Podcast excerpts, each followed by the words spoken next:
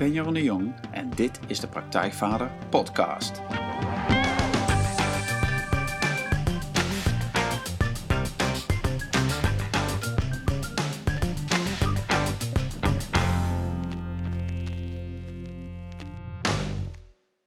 Welkom bij een nieuwe aflevering van de Praktijkvader Podcast. Jeroen hier. En zoals je weet, elke podcast een interview met een inspirerende man die jou gaat helpen om de volgende stap in je vaderschap, uh, vaderschap te zetten.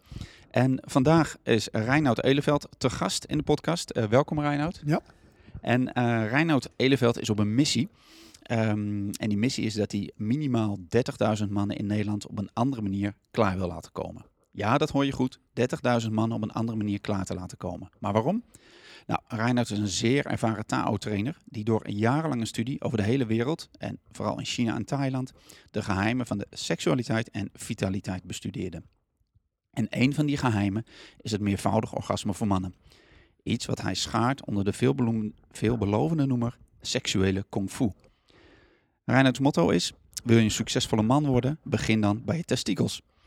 Reinoud ontdekte dat je je seksuele energie kunt inzetten om je interne energiecentrale een flinke en blijvende boost te geven. In zijn trainingen leert hij mannen hoe ze dit kunnen bereiken. Intensere orgasmes, meer orgasmes, meer plezier in bed, maar boven alles veel meer energie, focus en helderheid om te doen wat je wil doen in je leven. En of het nou je gezin is, je relatie, je werk of wat dan ook. Ook schreef hij samen met Jos Goosens het boek Alleen voor mannen, meervoudig orgasme, de handleiding over. En samen met Marleen Jansen schreef hij voor vrouwen over het vallei-orgasme. Maar eigenlijk is de seksuele kung fu maar een deel van waar Reinhard mee bezig is. Hij werkte samen met topsporters aan focus en vitaliteit. Hij geeft een intensieve, meerjarige Tao-training, waarin de seksualiteit maar een onderdeel is. En Reinhard is bedreven in diverse Chinese krijgskunsten. Reinhard is een zeldzaam voorbeeld van walk your talk. Hij is inmiddels de 60 gepasseerd, maar is een stralende bonk vitaliteit. Ik volgde zelf in september een van Reinhard's dagtrainingen. En ik ben inmiddels begonnen met het online programma. En ik ben ontzettend enthousiast. En ik kan me niet anders voorstellen dat jij inmiddels ook erg nieuwsgierig bent geworden. Daarom hoog tijd voor een gesprek over vitaliteit, seks en volwassen mannelijkheid. Maar ook over een groot probleem waar veel mannen in deze tijd mee worstelen: internetporno. En waarom dat een desastreus effect heeft op je liefdesleven en je vitaliteit. En natuurlijk gaan we het ook hebben over hoe je over seksualiteit kunt praten met je kinderen. Oké, hartstikke goed. Reinoud, ja. Welkom. Ja, ja. wat een verhaal. ja. ik ben er zelf stil van, ja. Ja, nou, welkom in de podcast. Dankjewel. En um, ik heb zelf ontzettend uitgekeken naar dit gesprek. Juist omdat het voor een groot deel gaat over een onderwerp dat toch nog steeds taboe is. Zeker onder mannen. Seks. Ja, ja wonderlijk genoeg, hè? Ja. ja. Hoe kan dit nou nog steeds een taboe zijn? Ja, ja. dat is zo, ja. Ja. Nou, waarom dat zo is en wat we daaraan kunnen doen en hoe we veel meer van seks kunnen genieten, daar gaan we het allemaal over hebben. Maar eerst wil ik de luisteraars uh, kennis laten maken met jou. Uh, wat je doet heb ik net in het kort opgenoemd. Ja. Maar daarin komen we nog niet zoveel te weten over wie jij bent of wat jouw zelf is. En wat mij ontzettend fascineerde toen ik het boek uh, Alleen voor Mannen las, ja. is dat je op een gegeven moment schrijft dat je als kind al een hele bijzondere kijk op de dingen had. En een van die dingen die mij opviel was, um, waar andere jongens brandweerman of astronaut wilden worden, had jij iets heel anders voor ogen. Want jij wilde tovenaar worden. Ja, tovenaar. Ja. Ja, nou ja, dat, dat, dat was een, letterlijk in de tijd dat je op de middelbare school een soort pakkettenkeuze moet gaan maken. Of ja, welke kant wil je op? Dus wat wil je laten worden? En uh, toen kwam er echt van binnen uit, of moet je dat zeggen, iets, iets onmiskenbaars van, ja, het antwoord op die vraag was, Reinoud, wat wil je laten worden? Van binnen was, ik wil tovenaar worden. Nou, ik, ik, begreep natuurlijk meteen dat dat niet... Uh, dat heb ik ook niet tegen mijn ouders gezegd en op school ook niet verteld. Want ik dacht, als je dat gaat vertellen, krijg je medicijnen. Dus kop dicht, hele veld. Uh, en ik heb gewoon verteld wat ze wilden horen. Piloot. Ah, uiteindelijk wil piloot worden, prima. Wat ik niet helemaal in de gaten had, is dat, want ik hield vooral van geschiedenis en aardrijkskunde en biologie, dat door, door het woordje piloot uit te spreken op die vraag, wat, wat wil je worden later, en dat ik de natuurkunde, wiskunde, scheikunde moest gaan doen. Dus dat, daardoor heb ik mijn middelbare schooltijd wel moeilijker gemaakt en minder leuk gemaakt dan de bedoeling was. Ja. Uh, maar goed, dat had ik niet helemaal overzien. Uh, en ik ben tot en met de Rijksluchtvaartschool aanmelding uh, gegaan met dat plan. En toen heb ik mijn ouders verteld dat ik iets met mensen wilde doen. En dat hebben ze dapper genomen. Want oké, okay, wil iets met mensen doen. Want ik heb ook nog wel overwogen, moet ik dan maar niet piloot worden? En, en dat tovenaarschap dan on the site doen of zoiets. Weet je wel. Maar het enige wat ik interessant vond aan het hele vliegen, dat waren de stewardessen gewoon. Dus het was echt niet genoeg om daar in die cockpit te gaan zitten. dus ik, ik moest iets met en Dus toen ben ik iets met mensen gaan doen. En ja, zo ben ik me eigenlijk langzaam door blijven ontwikkelen. Uh, dat met mensen doen, dat was heel verstandig. Ik ben toen uh, notabene de eerste kinderverzorger van Nederland geworden. De eerste gediplomeerde uh, HBOJ heet het tegenwoordig. Uh, dat was in de tijd van het feminisme. Dat vrouwen die hadden net bij de Hoge Raad voor elkaar gekregen dat ze ingenieur mochten worden. Dus vrouwen mochten niet naar de HTS in Delft, geloof ik. Ze hadden net voor elkaar gekregen dat hoger beroepsonderwijs niet voor man en vrouw gescheiden mocht zijn. Dus de eerste vrouwen gingen naar de HTS. En er waren ook HTS, ehm, eh, zeg maar de Sociale Academie voor Kinderen. Um, en die, die moest dus ook mannen gaan toelaten. Mannen waren verboden op die opleiding. Dus kinderverzorging en opvoeding als vak, als hoge beroepsopleiding, was alleen voor vrouwen. En ik weet niet helemaal hoe het ging, maar op een gegeven moment ontdekte ik dat ik wilde eigenlijk sociale academie doen, maar daar was ik al te laat met aanmelden, want ik was met die Rijksluchtvaartschool bezig geweest en er was een wachtlijst. En toen kwam ik ergens een uh, psychologe tegen in Amsterdam. En die vertelde dat ze les gaf, les gaf op die HBOJ-opleiding. En uh, dat daar ook mannen toegelaten werden uh, voor het eerst. En daar ben ik. En, en ik, van, nou, ik was ook helemaal niet geïnteresseerd in eerste instantie. Totdat ze vertelde dat er 600 meisjes op die school zaten. En geen mannen. En toen ben ik de volgende ochtend op de fiets gestapt. Ja. En heb ik me daar aangemeld. Ja. Samen met twee vrienden die dat ook opeens een heel goed idee vonden. Dat kinderverzorging en opvoeding. En uh, dus toen ben ik in, uh, weet niet meer, 78 of zoiets, ben ik de eerst gediplomeerde kinderverzorger, mannelijke kinderverzorger in Nederland geworden. En heb je ook met kinderen gewerkt? Nou, ik heb anderhalf jaar in de jeugdpsychiatrie gewerkt. Okay. Uh, als onderdeel van de opleiding ook. Maar toen kreeg ik al door van, uh, ik heb zeg maar waanzinnig veel geleerd ervan. Ik hou ook erg van kinderen. Maar ik had ook al in dat hele tovenaarschap besloten dat ik dit leven kindvrij zou blijven. Dus dat ik geen eigen kinderen zou nemen dit leven. Dus ik, op dat moment had ik voldoende kind, zeg maar, tot me genomen. Hoe neem je zo'n beslissing, Reinoud? Als je zegt dat je al vrij jong eigenlijk wist van... Uh, ja, dat is ook weer van binnenuit. Ja. Maar um, hè, ik maak onderscheid tussen kinderloos en kindvrij. En uh, ik, ik geloof dat uh, kinderloos uh, een onmachtsbeleving is. En kindvrij zijn, dan neem je de, de beslissing in eigen handen.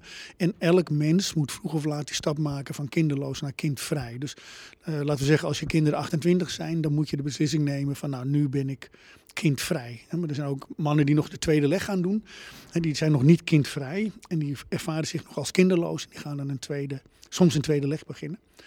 Maar kind, ja, dat is gewoon van binnenuit. Was als ik tovenaar wil worden en de energie die ik daarvoor nodig heb. En de keuze van het pad wat ik ga lopen. Daar passen in dit leven geen kinderen bij. Terwijl ik dus wel veel over kinderen wist. Ook ja. uh, dat ik een opleiding heb in de jeugdpsychiatrie. Ja. Maar toch, uh, ja, gewoon was helder. Op mijn ja. 18 of zo wist ik al. Uh, kindvrij. En ik heb, uh, ik, ik heb uh, hoe heet het, sterilisatie. Ik ben gesteriliseerd, maar dat heb ik pas op mijn 37ste gedaan. En dat was al in een fase dat ik met dit soort technieken aan de gang was, met die seksuele comfort aan de gang was. Was ik nog een beetje in de verwarring dat als ik dit soort dingen leerde van, nou, dan nou gaat Reinoud de vrouwtjes wel eens even lekker verwennen. Dus ik had toen het idee van, jeugdje, ik ben allemaal dingen aan het leren die we in het Westen niet weten. En wat zal mij dat als minnaar brengen? Maar toen begon ik ook wel te merken dat er heel veel vrouwen geïnteresseerd waren, klinkt een beetje raar, in mijn sperma. Okay. Dus dat er, dat er een beetje gejaagd begon te worden op kunnen we nog een kind bij Reinoud maken. Hm.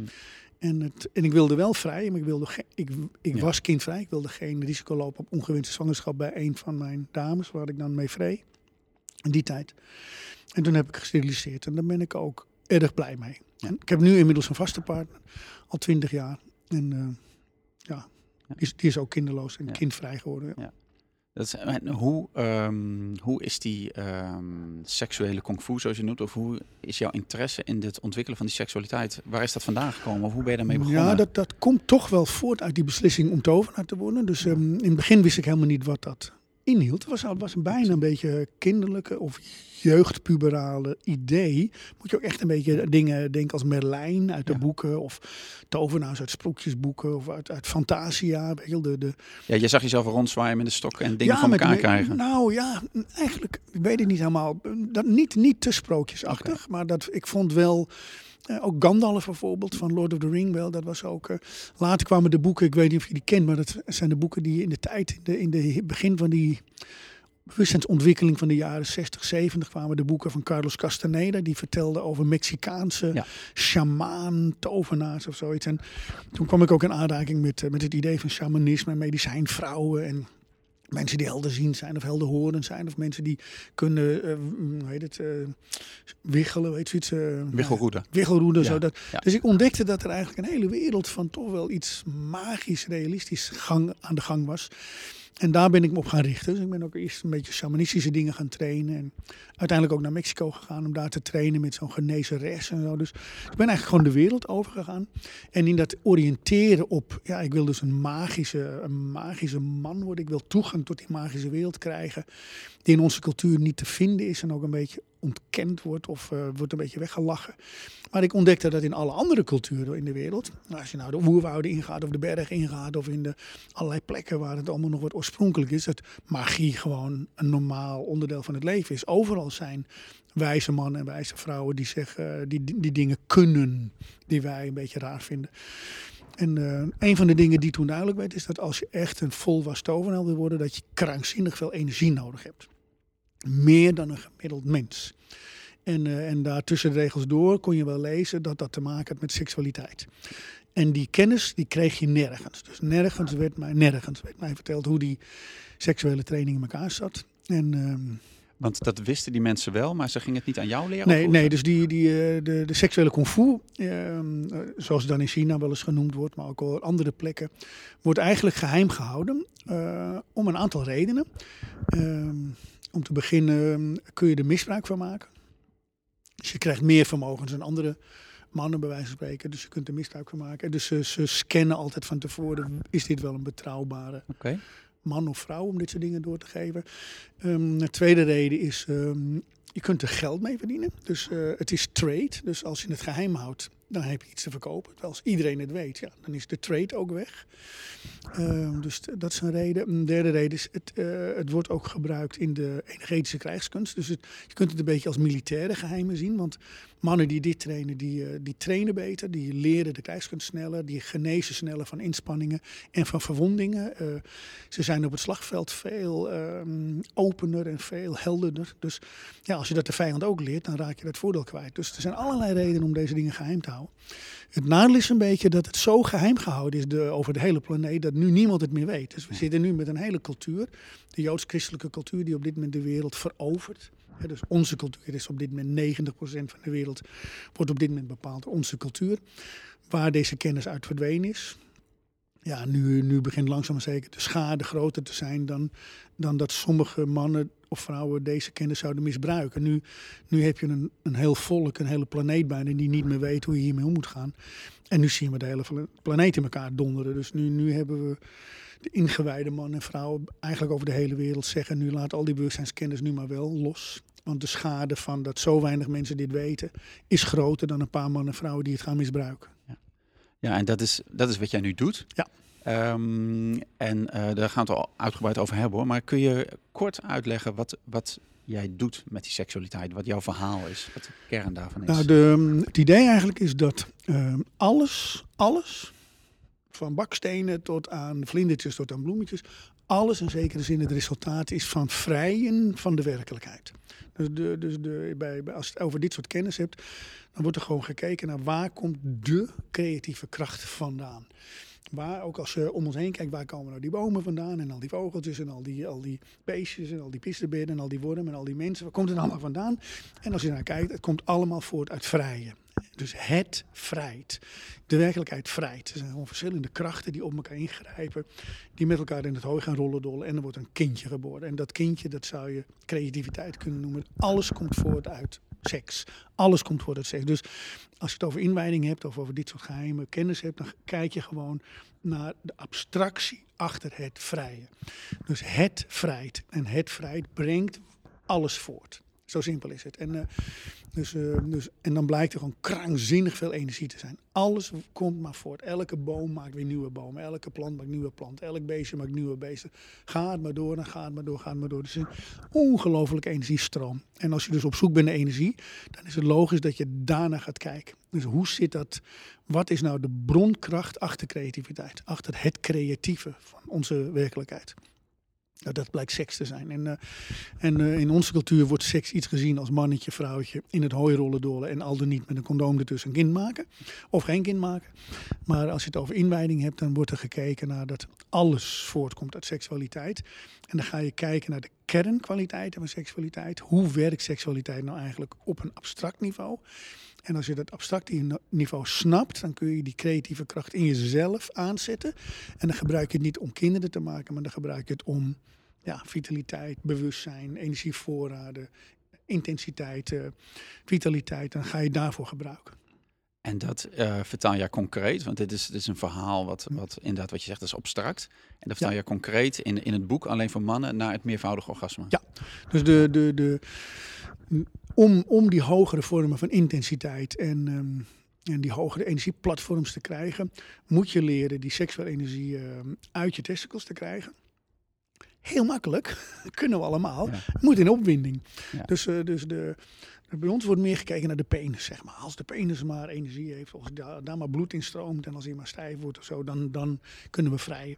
Ja, want dan kun je vrijen en dan kun je iets gaan doen. Exact, ja. ja. Exact. Maar de, als je wat dieper kijkt, dan, dan, dan dat is ook een beetje een vaag verhaal. Ik snap wel, nu, nu beginnen we een beetje de wereld van de tovenarij in te gaan. En niet de wereld in van mijn ouders of de mensen op school. Die zeiden, ja, het moet wel uh, humanistisch of wetenschappelijk verantwoord zijn. Het, het, is een andere keus die ik maakte. Maar als je dus die energiewereld ingaat, dan, dan wordt alles ook gezien in allerlei termen van en allerlei vormen van energie. Het is dus niet zo dat als je zegt van ja, eh, alles is energie, ja, dat is allemaal waar. Maar alles is ook onderscheiden. Dus het, de, de, het innerlijk landschap is net zo geordend als het uiterlijke landschap. Alles kent zijn plek en zijn ordening en zijn, en zijn uh, vorm en zijn kleur en zijn trilling. En dat, de, de wereld van de magie gaat over dat je daarin leert bewegen en leert insturen. En langzaam maar zeker invloed gaat krijgen op hoe dat allemaal creëert. Nou, dus daar wordt veel meer uitgegaan van de testicles.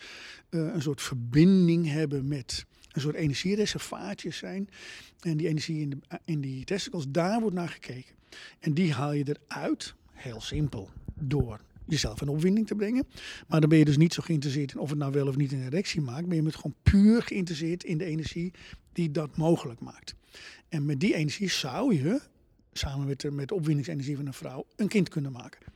Heb, heb jij een kind toch gemaakt? Of jij hebt kinderen? Ja, ik heb drie kinderen. En veel van de mannen die luisteren, die hebben kinderen. Ja. Met andere woorden, je hebt gevreden uh, met een vrouw in dit geval. Ook als je homo bent, zie je nog wel eens homo mensen met een vrouw vrij en dan toch een kind krijgen. Zeg maar wat wel, maar het komt een kind.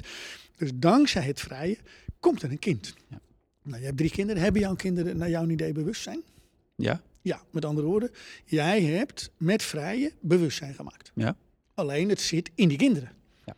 Nou, die, als je nou de abstractie daarvan neemt, dus jij kunt met seksuele energie bewustzijn maken. Mm -hmm. Nou, nu moet je het niet in kinderen laten stromen, maar in jezelf laten stromen. Dat is eigenlijk wat ik doe. Dus uh, in plaats van dat ik met die energie kinderen maak, maak ik bewustzijn. Dat is precies wat jij gedaan hebt, alleen jij hebt het drie keer gedaan en ik doe het continu. Dus wat, wat een heleboel mannen in deze cultuur doen, die maken bewustzijn als ze een kind maken. En dan zeggen ze, klaar, meer bewustzijn maken kan niet.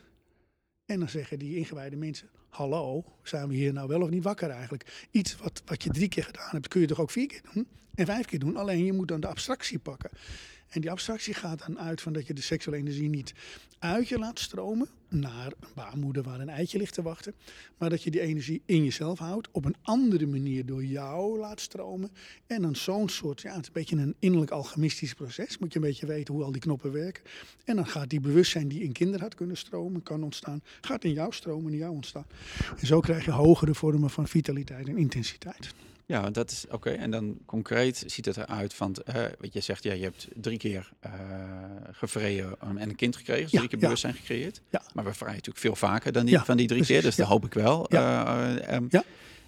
Wat gebeurt er dan nu? Ze, de, de, mannen die dat niet doen, hè? wat veruit de meeste mannen zijn, die vrijen wel. Ja. Ook al komt er geen kind uit, zeg maar. Ja. En wat gebeurt er dan nu?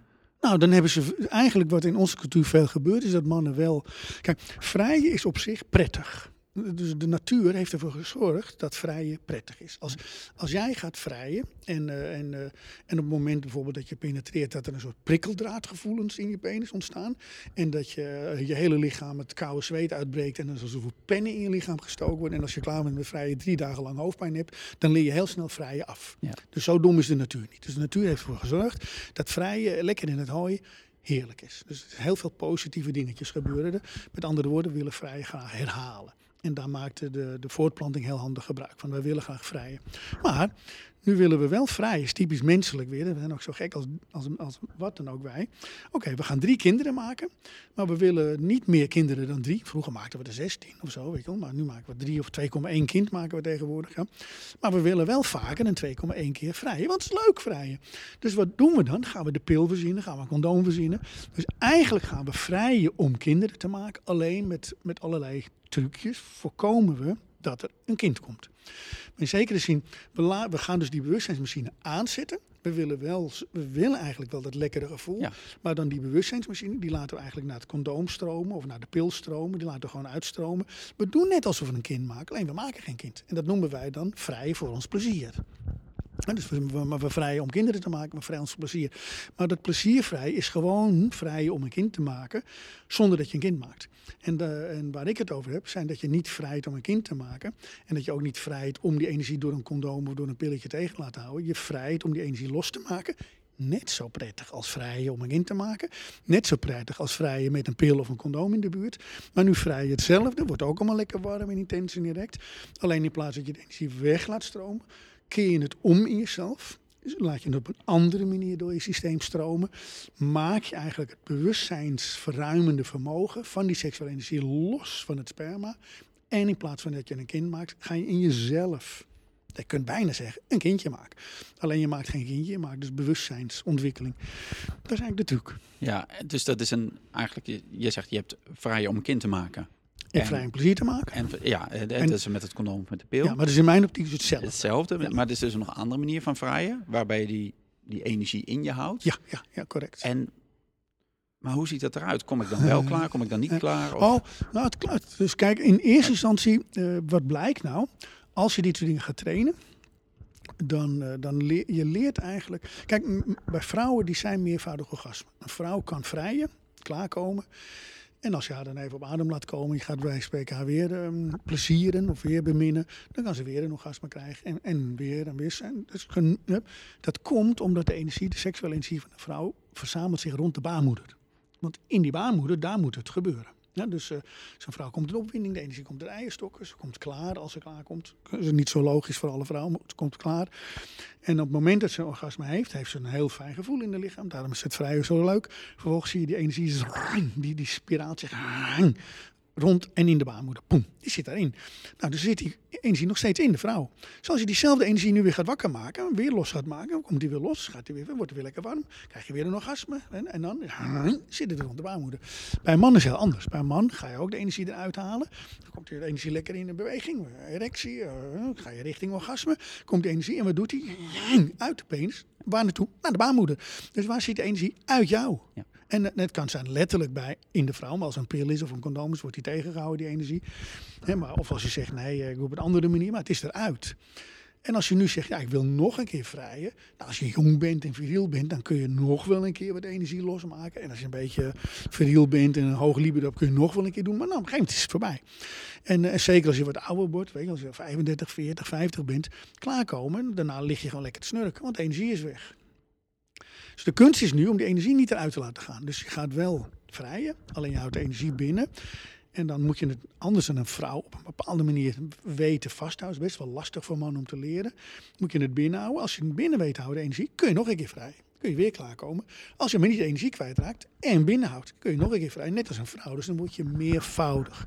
Dat is één ding. Dus je, kunt, je kunt met deze technieken uh, meerdere orgasmes krijgen zonder dat je je energie kwijtraakt best wel een lastig dingetje. Het is helemaal niet zo makkelijk om te leren. Nou, het tweede is, als je dit gaat leren, dan blijkt langzaam maar zeker dat, er nog andere vormen van orgasmes bestaan. Dus als je gaat leren je seksuele energie binnen te houden en dat leert te scheiden van het sperma en je gaat dan nog een keer vrijen en je gaat weer, uh, je gaat nog een keer vrijen, je gaat nog dieper vrijen, dan kom je in orgasmes die niet lijken op het piekorgasme.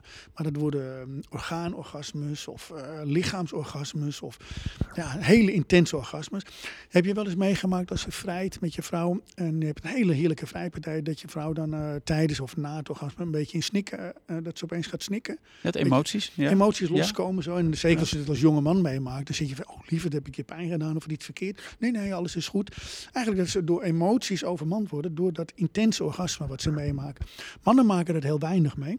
Maar als je dus van het, bij een je gewoon jezelf een opwinding brengt. Ja, dat is het orgasme zoals mannen ja, het kennen. Zoals mannen het piekorgasme. En dan komt, ah, heb ik ah, even orgasme, even dit en sperma eruit. Oké, lekker dan en nu weer door met whatever. Ja?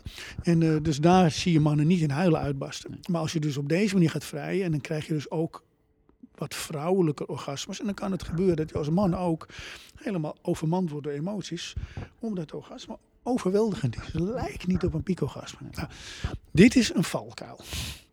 Klinkt een beetje, nou dit. dus uh, deze technieken zijn, zijn uh, ze maken gebruik van orgastische technieken. Daardoor word je als man, als je, als je die meervoudige orgastische dingen een beetje leert, word je eigenlijk gevoeliger en je wordt intenser. Je, je, seksualiteit gaat zich ontwikkelen.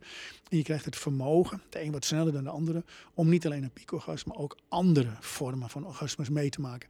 En wat je wel een beetje ziet in uh, mensen die dit gaan leren, dat ze dan zeggen, weet je wat, laat die hele energie en die hele bewustwording maar zitten. Ik heb nu zulke intense orgasmes, dit ga ik ontwikkelen. Ja, want daar, daar kom ik voor, want dat is... Ja, ja, ja want Ik, ik, wil, ik wil meer seksueel genot, zeg maar. En, uh, maar dat is uh, eigenlijk niet de bedoeling. Dus dat seksuele genot is een toevallige bijkomstigheid, is een bonus. Maar als je, daar, als je daar dan op blind gaat staren, dan kom je eerder in seksuele verslaving terecht dan in bewustzijnswording. Dus uh, het, het is een beetje een bijverschijnsel dat je als man orgastischer gaat worden. Maar de bedoeling is helemaal niet orgastischer worden. De bedoeling is die energie te bewaren voor vitaliteit en, en intensiteit. En hoe ziet het er dan uit? Hè? Je gaat dit trainen en je zegt het is niet makkelijk. Nou, in het boek wordt, wordt uh, uitgebreid beschreven hoe, hoe, het, hoe het kan, zeg ja, maar. Ja. Dus daar gaan we nu niet helemaal over hebben. Maar dat, dat, als je daar meer over weet, kun je het boek lezen. En er zijn nog andere manieren waarop je het ook aanbiedt. Maar um, hoe ziet dat, wat is dan het resultaat van als je dit traint en je zegt, ja, die, die orgasmes, dat is eigenlijk een soort bijproduct, een soort bonus. Dat is een fijn bijproduct. Maar wat gebeurt er dan wel met je? Nou, denk, denk maar even, jij bent vader. Heb jij bewustzijn? Ja. ja, jij ja. En je hebt drie kinderen, hebben die bewustzijn. Nou, stel nou dat je die vier bewustzijn, dus je hebt jouw bewustzijn en het bewustzijn van je kinderen. Stel nou dat je dat bij elkaar optelt en in jou stopt. Heb je dan meer bewustzijn dan nu of minder? Ja, meer. Meer. Ja. Dat is het dus. Dus, we dus als je geïnteresseerd bent in meer bewustzijn, dan moet je dus dat bewustzijn wat in kinderen kan stromen, los van deze kinderen zijn nu al lekker met hun eigen bewustzijn in de gang, maar dan moet je datzelfde principe herhalen en dan krijg je dus bewustzijnsverruimende vermogens. Dan moet je weten wat bewustzijn is om daar de effecten van te snappen. Toch? Ja. Maar, uh, want wat bewustzijn is, is helemaal niet zo makkelijk. Want ik vraag jou, heb jij bewustzijn? Jij zegt meteen ja. ja. Heb je je kinderen bewustzijn? Zeg je ook meteen ja. ja. Maar daarmee is nog niet de vraag beantwoord wat bewustzijn dan is. Nee. Ja, je zegt alleen meteen ja. En uh, nou, dat, dat, dat, maar goed, dat is een discussie die we nu niet gaan voeren. Want dan zijn we nog een boek verder.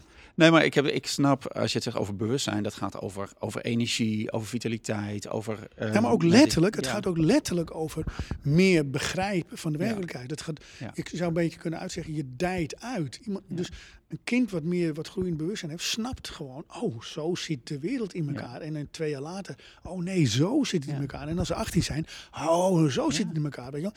Toen je, als je terugdenkt naar toen je zelf 15 was, of ik ook, toen dacht je, ik weet alles.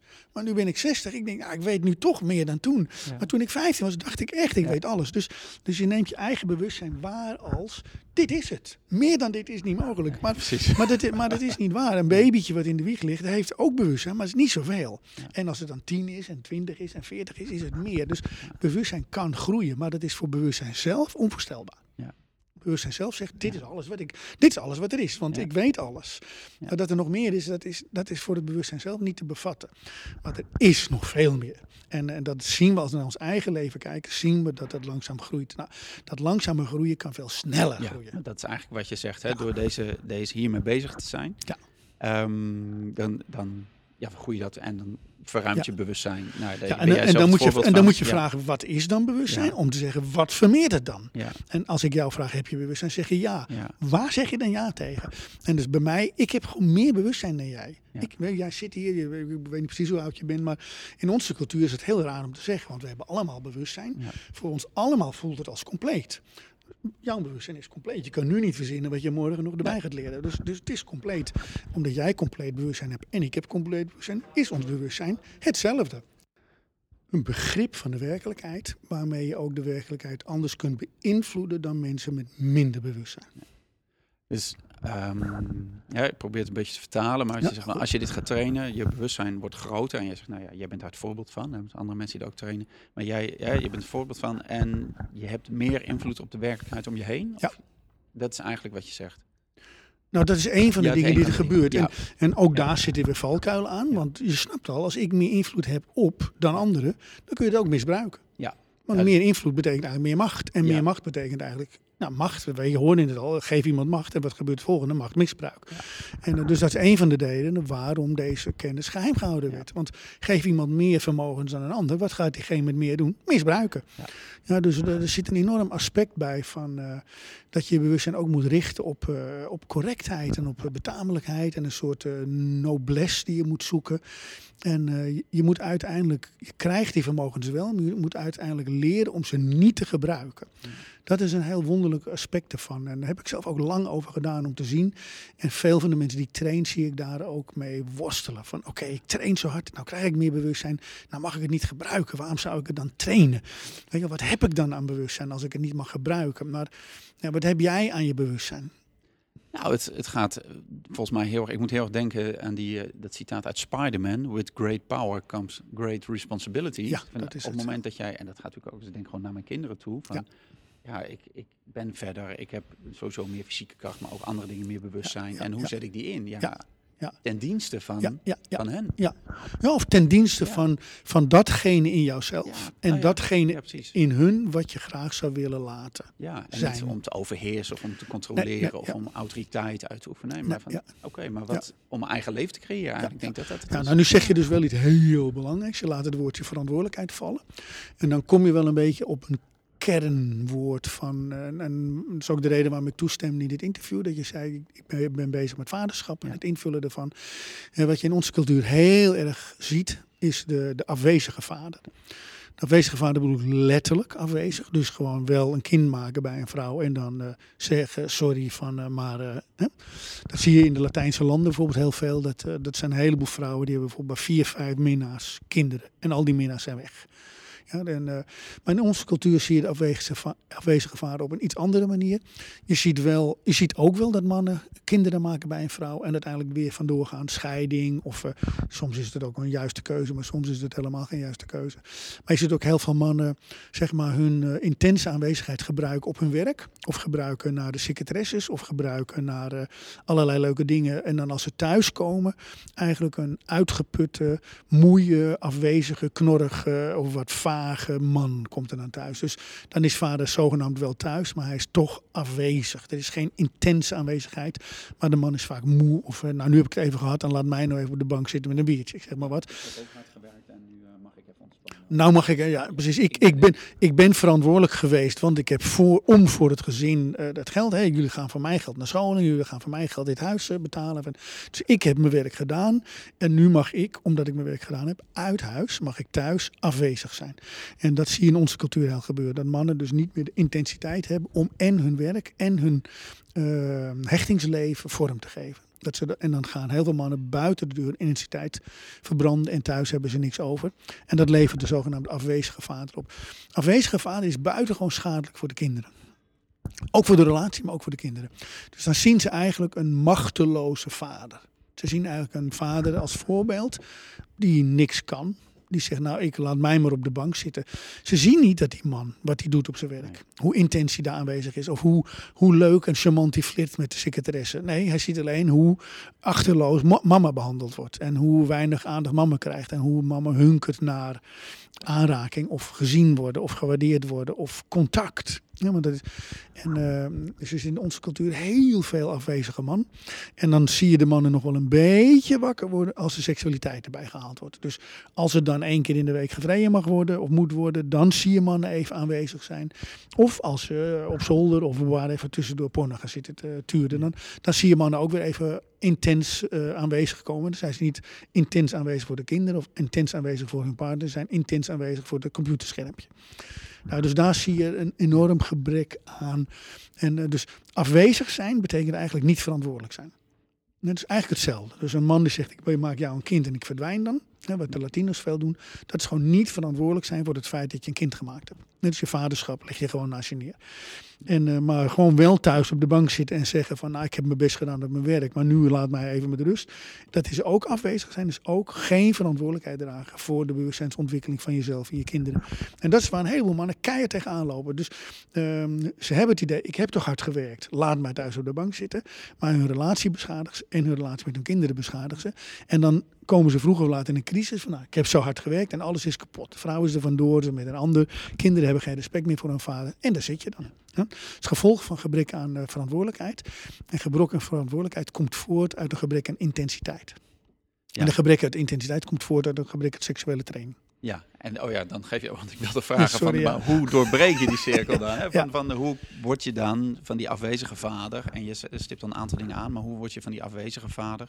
En dat is ook het voorbeeld wat, wat veel mannen gekregen hebben van hun eigen vader natuurlijk. ja. Dus ze hebben ook niet het goede Nee, voorbeeld gehad. nee, nee, het is heel En- afwezig in onze cultuur. En als ze denken van ja, shit, wat, wat Reiner nu zegt, daar herken ik me wel in. Misschien soms wat meer, soms wat minder. Maar wat is dan de eerste stap om, om de, dat te doorbreken? Nou, de, de eerste stap is naar mijn idee dat je moet leren hoe seksualiteit in elkaar zit. Dus Dus jij zegt het, de, onze begin- cultuur weet niks over seksualiteit. We dus zijn, we zijn seksueel blind. seks. Ja, je moet terug naar de seks. Ja. Als, als je je mannelijkheid in je vaderschap wilt ontwikkelen en je wilt een, een, een relatie met hechting opbouwen naar een partner waar je van houdt, dan begint het allemaal bij seksualiteit. En eh, seksualiteit kent eh, twee hele belangrijke aspecten. Het ene aspect is seksuele intimiteit. Dus intiem zijn met jezelf. Dus laten we zeggen als jonge man experimenteren met je penis. Dus gewoon aanraken en jezelf in opwinding brengen en klaarkomen.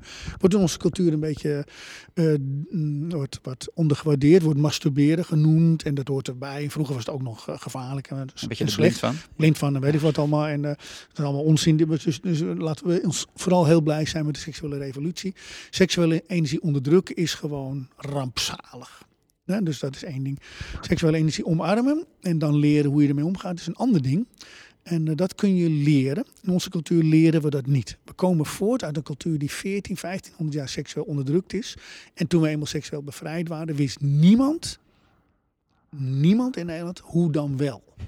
En het resultaat is dat van seksuele bevrijding zijn we in seksueel overgrensbaarheid gegaan. En dan heb je het over de jaren 60, seksuele Ja, bevrijding. ja, jaren 50, jaren 60, jaren 70, seksuele bevrijding. Dat heeft zeg maar ons, oké, toen kwam de pil, het condoom kwam, die hele katholieke gedoe, daar waren we helemaal klaar mee. Die protestanten ook enzovoort. Niemand gaat meer naar de kerk. Oprotten, we zijn vrij, mogen voor eigen seksualiteit beschikken. Absoluut supergoed. Ja. Alleen, nu hebben we de seksuele vrijheid. Wat gaan we nu met die seksuele vrijheid doen? En de bedoeling was om een seksuele beschaving op te gaan bouwen. En wat we gedaan hebben, we hebben een seksuele pornografisering op gang gebracht. We zijn allemaal pornografisch gefixeerd en verslaafd geraakt, wat barbaars is. Dus we zijn van onderdrukking naar barbarij gegaan. En wat bedoel je met die, eh, met die, eh, dus die seksuele eh, of die, die pornografische fixatie? Want dat is ook een belangrijk ding in het boek Ja. wat je noemt. Ja. Wat, wat, wat is dat? Seksuele fixatie is eigenlijk dat je, ehm, dat je de hele tijd eh, je seksualiteit, en bij mannen dan via visuele prikkels, zoekt naar opwindingsprikkels. Dus je kijkt eigenlijk naar borsten.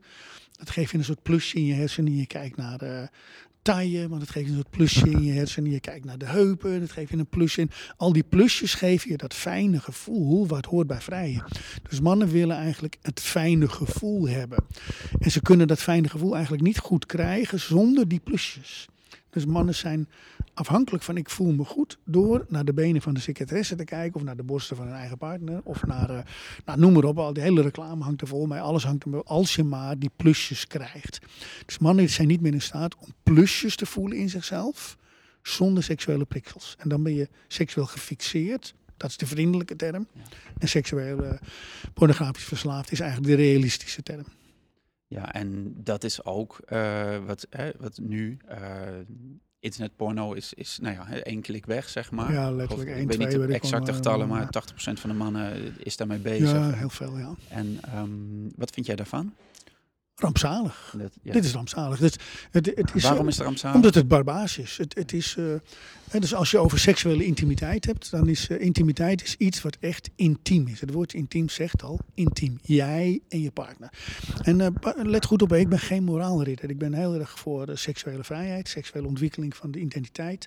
Ik ben voor homo's, transgender, eh, lesbisch. eh, eh, ik, als het, ik vind heel erg voor als mensen in gelijkwaardigheid zichzelf willen ontwikkelen in hun seksuele identiteit, dat het niet onderdrukt mag worden. Het vrij moet zijn, dat er veiligheid moet zijn in de cultuur en omgeving om dat te ontwikkelen. Dus ik ben geen moraalridder, ik ben gewoon iemand die weet hoe het zit en het graag uitlegt.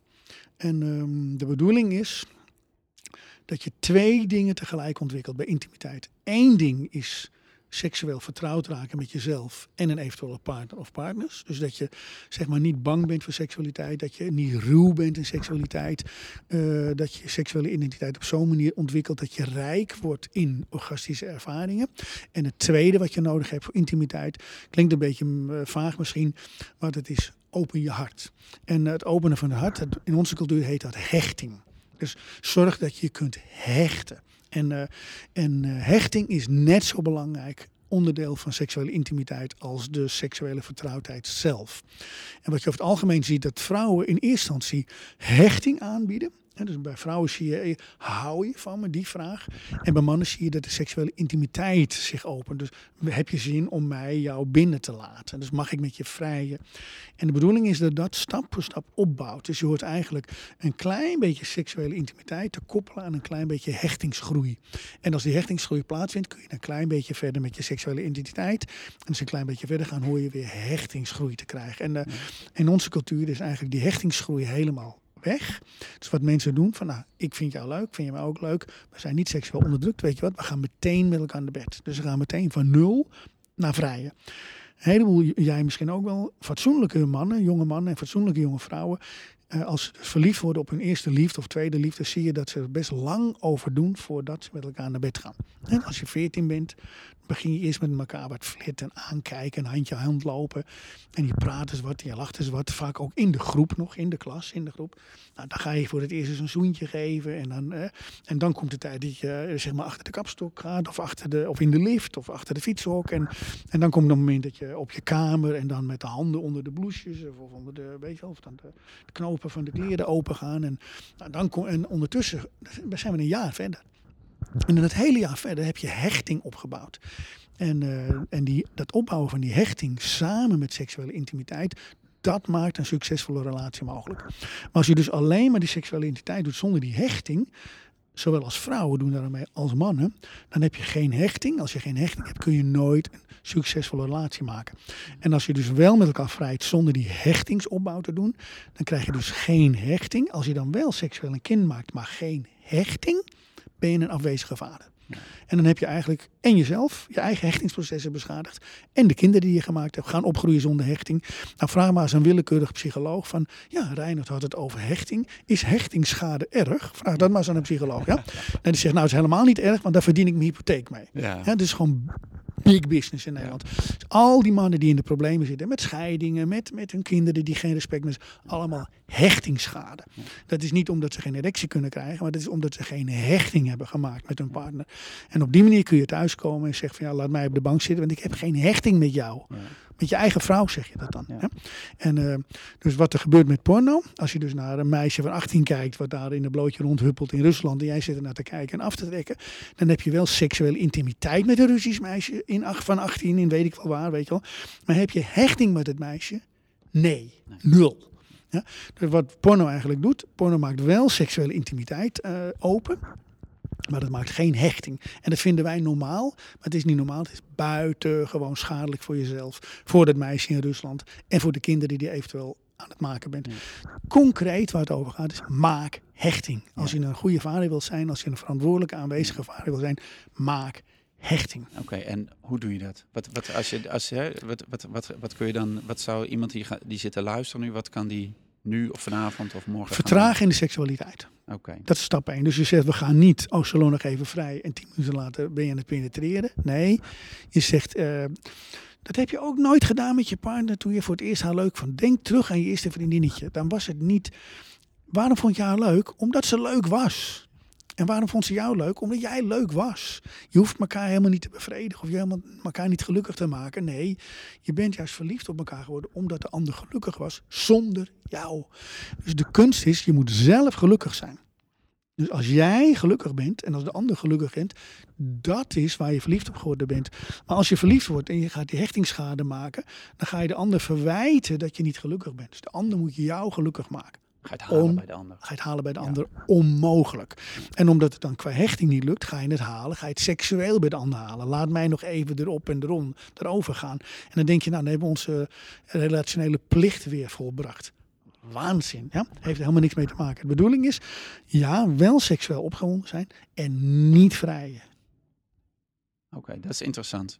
Wel seksueel opgewonden zijn. en- Wel seksueel opgewonden zijn en niet Dus vertragen, vertragen, vertragen. Niet erop, af en, Ja. en erin. Vertragen, penetratie, afschaffen een tijdje. eh, Oké. Weet je, eh, geen penetratie. Gewoon eh, veel zuiniger zijn op die seksuele opwinding. En veel meer tijd met elkaar doorbrengen. En het gaat allemaal over tijd. Dus niet, ga, ga gewoon hand in hand wandelen. Wat mij betreft met een erectie. Vind de ander leuk. Niet vrijen. Dat zijn allemaal hele kleine stapjes die je kunt maken. Om, om niet seksuele intimiteit te laten stromen. Maar hechting weer op gang te brengen. Ik kan me voorstellen dat eh, veel vrouwen dit een heel fijn verhaal vinden. Nou ja, omdat Als heel vrouwen geven dit al aan. Ja, Je dit ziet vrouwen, ja. dit is eigenlijk wat Ja. vrouwen zeggen tegen mannen. Ja, ja we moeten, onze relatie gaat niet goed. En dan zegt die man, nou waanzin, weet je wel. Ik heb, eh, ja, maar je zegt nooit dat, dat je van me houdt. En dan zegt nou, ik heb vorig jaar echt nog tegen jou gezegd dat ik van je hield hoor. En bovendien, ik heb de vuilnisbak buiten gezet. En ik werk toch voor jou en de kinderen. Wat wil je nog meer? Ik hou toch van jullie, daarom werk ik. Dat is het verhaal van de mannen. En die vrouwen die denken dan, ja, dat is ook wel waar. Ben ik nou zo bitchy geworden? Wat doe ik nou verkeerd? Maar, maar er gaat iets verkeerd. Ja, zij zeggen, je bent er niet. Ik heb geen hechting. En, eh, en vrouwen die willen eigenlijk niet vrij als ze geen hechting hebben. Maar wij denken, ik heb toch gewerkt, dan mag ik toch ook nog even erop. Wel, zo raken we elkaar volledig kwijt. En eh, de kinderen zien alles. Kinderen zien alles. Die zien hun vader niet thuis zijn. Die zien het onvermogen naar de vrouw, naar de moeder. Ze zien dat mama ongelukkig is. Ze, ze zien het en ze denken ook, nou die vader van mij en die moeder van mij, wij gaan het later anders doen. Ja, leuk dan. Hoe dan? Ja. Wie gaat jullie dan vertellen dat het anders moet? Wie dan? Gaat jouw vader jou vertellen hoe het moet? Die weet het zelf niet. Gaat bij opa halen? Die wist het ook niet. Grootvader, die is al dood. En die zat bovendien dement in het bejaardentehuis. Er was ook niks te halen. Er is geen kennis. En de kennis gaat allemaal over seksuele training. Die weten we niet. Niemand weet hoe je seksueel traint. Sterker, we geloven niet eens dat het bestaat. Ja. Maar het begint met seksuele training. Ja. Dus je moet jezelf seksueel gelukkig maken. Dus je moet voordat je vrijt met een ander, moet je seksueel voldaan zijn. Ja. En als je dan seksueel voldaan bent, gewoon, dus gewoon een opwinding komen, lekker vrijen, erectie, masturberen. Zelfbeminning heet het eigenlijk, maar goed. En niet klaarkomen. Oké. Dus dat, Niet ja, oké. Dus dat is, hè, dat is eh, je zei van, als je met je partner bent in die intimiteit, eh, neem de tijd. Ja, neem de tijd. Neem de tijd. En, en dit gaat, wat het laatste wat je zegt, gaat over ja, het goed hebben met jezelf. Dus Ja, ja, met jezelf. ja, ja, en, dus en dat zeg jij masturberen zonder klaarkomen. Ja, nou, en daarom, daar komt dan een stukje training bij. Want als je alleen maar masturbeert zonder klaar te komen, dan krijg je blue balls. Ik weet niet of je vroeger wel eens herinnerd hebt dat je aan het vrijen was met een vrouw, maar op een of andere manier konden we niet klaarkomen of kon je niet, eh, weet ik veel wat. En dan na twee vrijen, zonder, zonder dat er iets gebeurt, krijg je van die super pijn in je ballen. Ja, ja blauwe ballen. Ja. Blue balls. Ja. Iedere man, de meeste mannen kennen het wel. En als, ik, dan- als ze dan mij horen zeggen, je moet vrijen en dan zonder klaarkomen, dan krijg je allemaal blue balls. Had ik ook vroeger hoor, want ik was zitten aan het trainen, maar ik wist niet hoe ik dat moest doen. Dus op een gegeven moment dacht ik, ja, is allemaal leuk en aardig, maar vergavende pijn. En eh, dus het volgende stapje wat je moet leren is pompen. Dus je, je, moet, je moet een soort pompbeweging maken. Lijkt een beetje op, eh, op de neukbeweging eigenlijk. Waarbij je de energie dus niet in de penis laat, maar eigenlijk door de ruggengraat omhoog laat stromen. Zo, dat, zijn, dat zijn eigenlijk Ja. basisstuks van de seksuele comfort. En dat, dat wordt, leg ik dat in die boeken en die cursussen uit. Ja. En waarom en hoe en zo. Maar Ja. dus als je die dingen gaat trainen, vrouwen trainen al veel massaler in Nederland dan mannen. De, de leuke meiden zijn allemaal aan het trainen in Nederland. De mannen lopen nog, ja, we blijven wie, wie is Reiner dat hij over mijn penis, eh, bla bla bla, weet je wel. Zoek het lekker uit. Hè? Ja. Ehm, ik weet meer dan de mannen in Nederland. En mannen doen er heel verstandig aan om aan- naar mij te luisteren. En eh, het maakt ze gelukkiger, aanweziger, verantwoordelijker. En eh, inderdaad, hun partners zullen weer meer van hun gaan houden. Dat is gewoon dat is echt een van de effecten die je mee gaat krijgen. Mooi. Hey, ehm, ehm, ik wil het ook met jou hebben. Eh, dat zei ik in de aankondiging al. Ehm, en dat gaat hierop door van... je hebt zelf geen kinderen, maar je, je leert wel aan die man en vrouw over seksualiteit. Seksuele voorlichting eh, blijft ook altijd een beetje... Hè, dus doen we dat nou wel als ouders, zeg Ja. maar? Of hoe doen we dat? Eh, heb je daar een idee over? Ja, ja. Eh, hoe, hoe we dat zouden kunnen aanpakken, of beter kunnen aanpakken? Ja, nou om te beginnen, een heleboel mannen die bij mij trainen, die eh, krijgen de neiging om te zeggen, nou Reinhard, wat een super verhaal allemaal en ik ben het nu aan het trainen. Kan ik dat ook aan mijn zonen leren? Of aan mijn zoon leren? En dan zeg ik altijd nee. Dus dat klinkt, zijn ze altijd een beetje onthutst. Want ze zeggen, eh, ja, maar eh, eh, ik wil graag dat, mijn, dat niet ik alleen het kan, maar dat mijn zoon het ook kan. Snap ik. Maar je moet jezelf nooit als vader verwarren met leraar. Ehm, stel nou, jij bent, jij gaat naar school en dan zegt de leraar, zegt, ik ga seksuele voorlichting geven. En dan ehm, is hij dan je vader of is hij dan de leraar? De leraar. En uh, dat is een andere rol. Dus je moet heel erg oppassen dat de rol leraar niet verward wordt met de rol vader. Een vader is iemand die voorleeft. Ja. En een vader is niet iemand die les geeft. Want ga maar na, hè, seksuele voorlichting wil je dan vooral geven aan jongens van 12, 13, 14, 15. Nou, die zijn in de puberteit. I tell you, het laatste waar zij op zitten te wachten is pa die zich tegen die hun gaat uitleggen hoe zij met hun penis moeten experimenteren en doen. Het is absoluut een no-go area. Alle signalen in jonge man hersenen staan op niet doen wat papa zegt. Dus als papa zegt ga dit en dit en dit doen, wat ga je dan doen? Tegenovergesteld. Dus als, uh, als pa moet je nooit de fout maken om leraar te worden. Je moet gewoon voorleven. Als zij zien dat je seksualiteit op orde hebt, als zij zien dat je op een bepaalde manier met mama omgaat, dan leren kinderen, want kinderen zien alles, leren ze via jou en je partner. ze leren. Ze leren ook hoe ze een afwezige vader worden van jou als jij een afwezige vader bent of er helemaal echt niet bent, of je zit op de bank een beetje, dat leren ze van, oh, zo doet papa dat, zo ga ik dat later ook doen. En als ze zien dat jij een intense aanwezige vader bent, die werkt voor zijn hechting en seksueel traag, fijn en rijk is, dan leren ze dat gewoon door om jullie heen te leven. Zonder dat je het hoeft uit te leggen. Of helemaal niks uit te leggen. Ja. Uh, wat je wel wil, we zouden heel graag willen dat onze zoon een seksuele voorlichting krijgt. En niet alleen over hoe je een condoom, condoom over een banaan doet, maar ook hoe je seksuele energie losmaakt van het sperma. En hoe je het dus voor bewustzijnverruiming gaat gebruiken. Dat zouden we eigenlijk allemaal moeten leren als we 13, 14, 15 zijn. Wat ik nu kan, had ik toen moeten leren. Toen ik zei ik wil toveren weer, had ik gewoon naar de leraar gaan moeten. Zegt, oh, ik wil het leren. Nou, had die leraar gezegd, prima Reinhard, kom binnen, je wilt toveren worden. Gaan we beginnen met je seksualiteit op orde te brengen. Want je bent nu 15, hoog tijd dat je dat gaat leren. En daarvoor in de plaats heb ik 30 jaar lang moeten zoeken van wie en waar en hoe de fuck kom ik aan die kennis. dus ik had eigenlijk een Reinoud willen hebben. Ja. Alleen die was er niet. Dus wat we nodig hebben zijn Reinouds. Dus met andere woorden zijn mannen die dus dit zelf getraind hebben. En die dan zeggen, ik wil wel voor de groep staan. En dan zeg jij als vader, zeg je tegen je zoon, nou vandaag ga je naar ja. De Reinouds, dat zijn gewoon mannen die weten hoe die seksualiteit stroomt, hoe je dat op orde krijgt, hoe je dat traint. En dan gaat jouw zoon naar seksuele voorlichting. Dan wordt hij geleerd over hechting en over het uitstellen van sperma. En hoe je sperma kunt laten stromen tegelijkertijd energie binnenhoudt. En hoe je een gezond liefdesbaby maakt. En, en hoe je verantwoordelijk met je kinderen en je vrouw omgaat. En waar je wel aan moet beginnen, waar je niet aan moet beginnen. En hoe je uiteindelijk op je tachtigste een rijpe, seksuele, stromende identiteit hebt. En niet een uitgedoofde halve garen in het bejaardentehuis wordt. Dus hoe ga je nou een intens leven maken? Een seksueel rijk leven? Hoe ga je identiteit laten doorgroeien? Leeftijdsadequaat. Zodat je niet op je zestigste nog naar meisjes van 18 zit te turen. Um, hoe doe je dat nou? Nou, dat, dat kun je allemaal leren. Dat moet je nou leren bij een man die het geleerd heeft. Ja. Nou, dat moeten wij zijn. Ja. Als wij het niet leren, gaan onze zonen het ook niet leren. En dus je moet je zoon naar dat soort mannen sturen. Nou, waar zijn die mannen? Ja, geen idee. Nee, geen idee. die zijn er niet. Nee. dus waar ga je je mannen naartoe sturen? Nou, geen enkele man, want die zijn er niet. Dus, dus de opdracht is nu met elkaar, daarom wil ik de 30.000 mannen die het gaan trainen. Want als we 30.000 mannen hebben die dit trainen, van die 30.000 zijn er straks uh, 800 die zeggen, ik ga voor de jonge mannen staan. Maar die hebben daar, uh, de ene man zegt, sorry hoor, ik ga lekker door met het bedrijfsleven of laat mij. Maar er zijn mannen die zeggen, ja, ik ben het eens met Reinhard. En ik start in Zutphen of ik start in, uh, in weet ik veel waar, al die stadjes eten in Nederland. Als Amsterdam weet je dat nooit goed. Maar anyway, zorg dat je dan overal in het land staan gewoon van die mannen. En die zeggen op maandagavond zijn jullie welkom. Alle mannen van 14, 15 zijn die komen, 16. En dan gaan we deze dingen trainen, klaar. En dan krijg je een soort grip op je seksualiteit als man, als vrouw. En dan krijgen we een seksuele beschaving. En een seksuele beschaving, dat is waar deze planeet dringend op zit te wachten.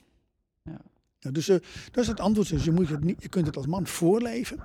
En ik zou het heel erg, heel erg waarderen als mannen gaan trainen. En nieuwsgierig worden hiernaar. En dat is wel een beetje het lastige van dit verhaal. Het is niet makkelijk. Uh, vrouwen die dit trainen, die, die, hebben echt een voordeel. Vrouwen zijn al meervoudig. Vrouwen dus die kunnen opwinding komen, ja. orgasme krijgen, waar ze de energie in hunzelf nog steeds. Terwijl als wij gaan vrijen en opwinding komen, orgasme, waar is de energie? Eruit. En je kunt echt niet met de wattenstaafjes gaan klooien om het terug te proppen.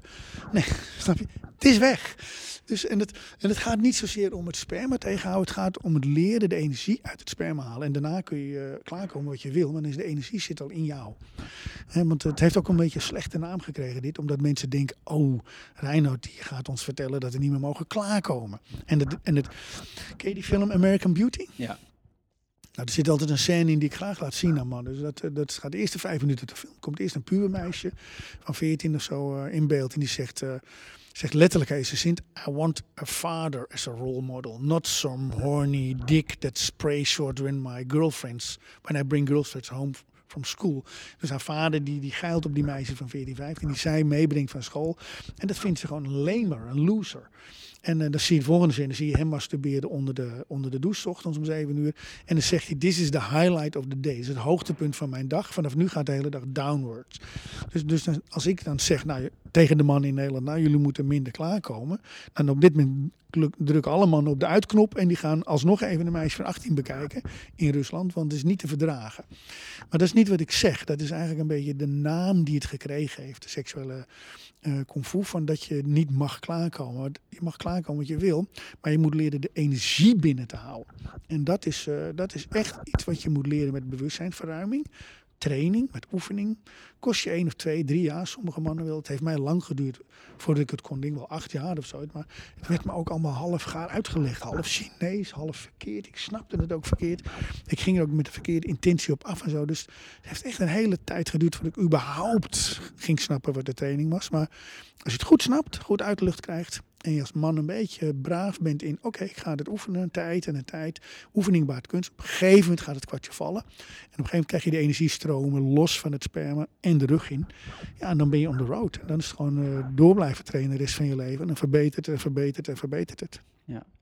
En, um, en wat is dan, je zegt dat het kost een tijd, het kost aandacht, dat is toewijding. Uh, want we hebben niet geleerd, dus we moeten echt van, van scratch af leren.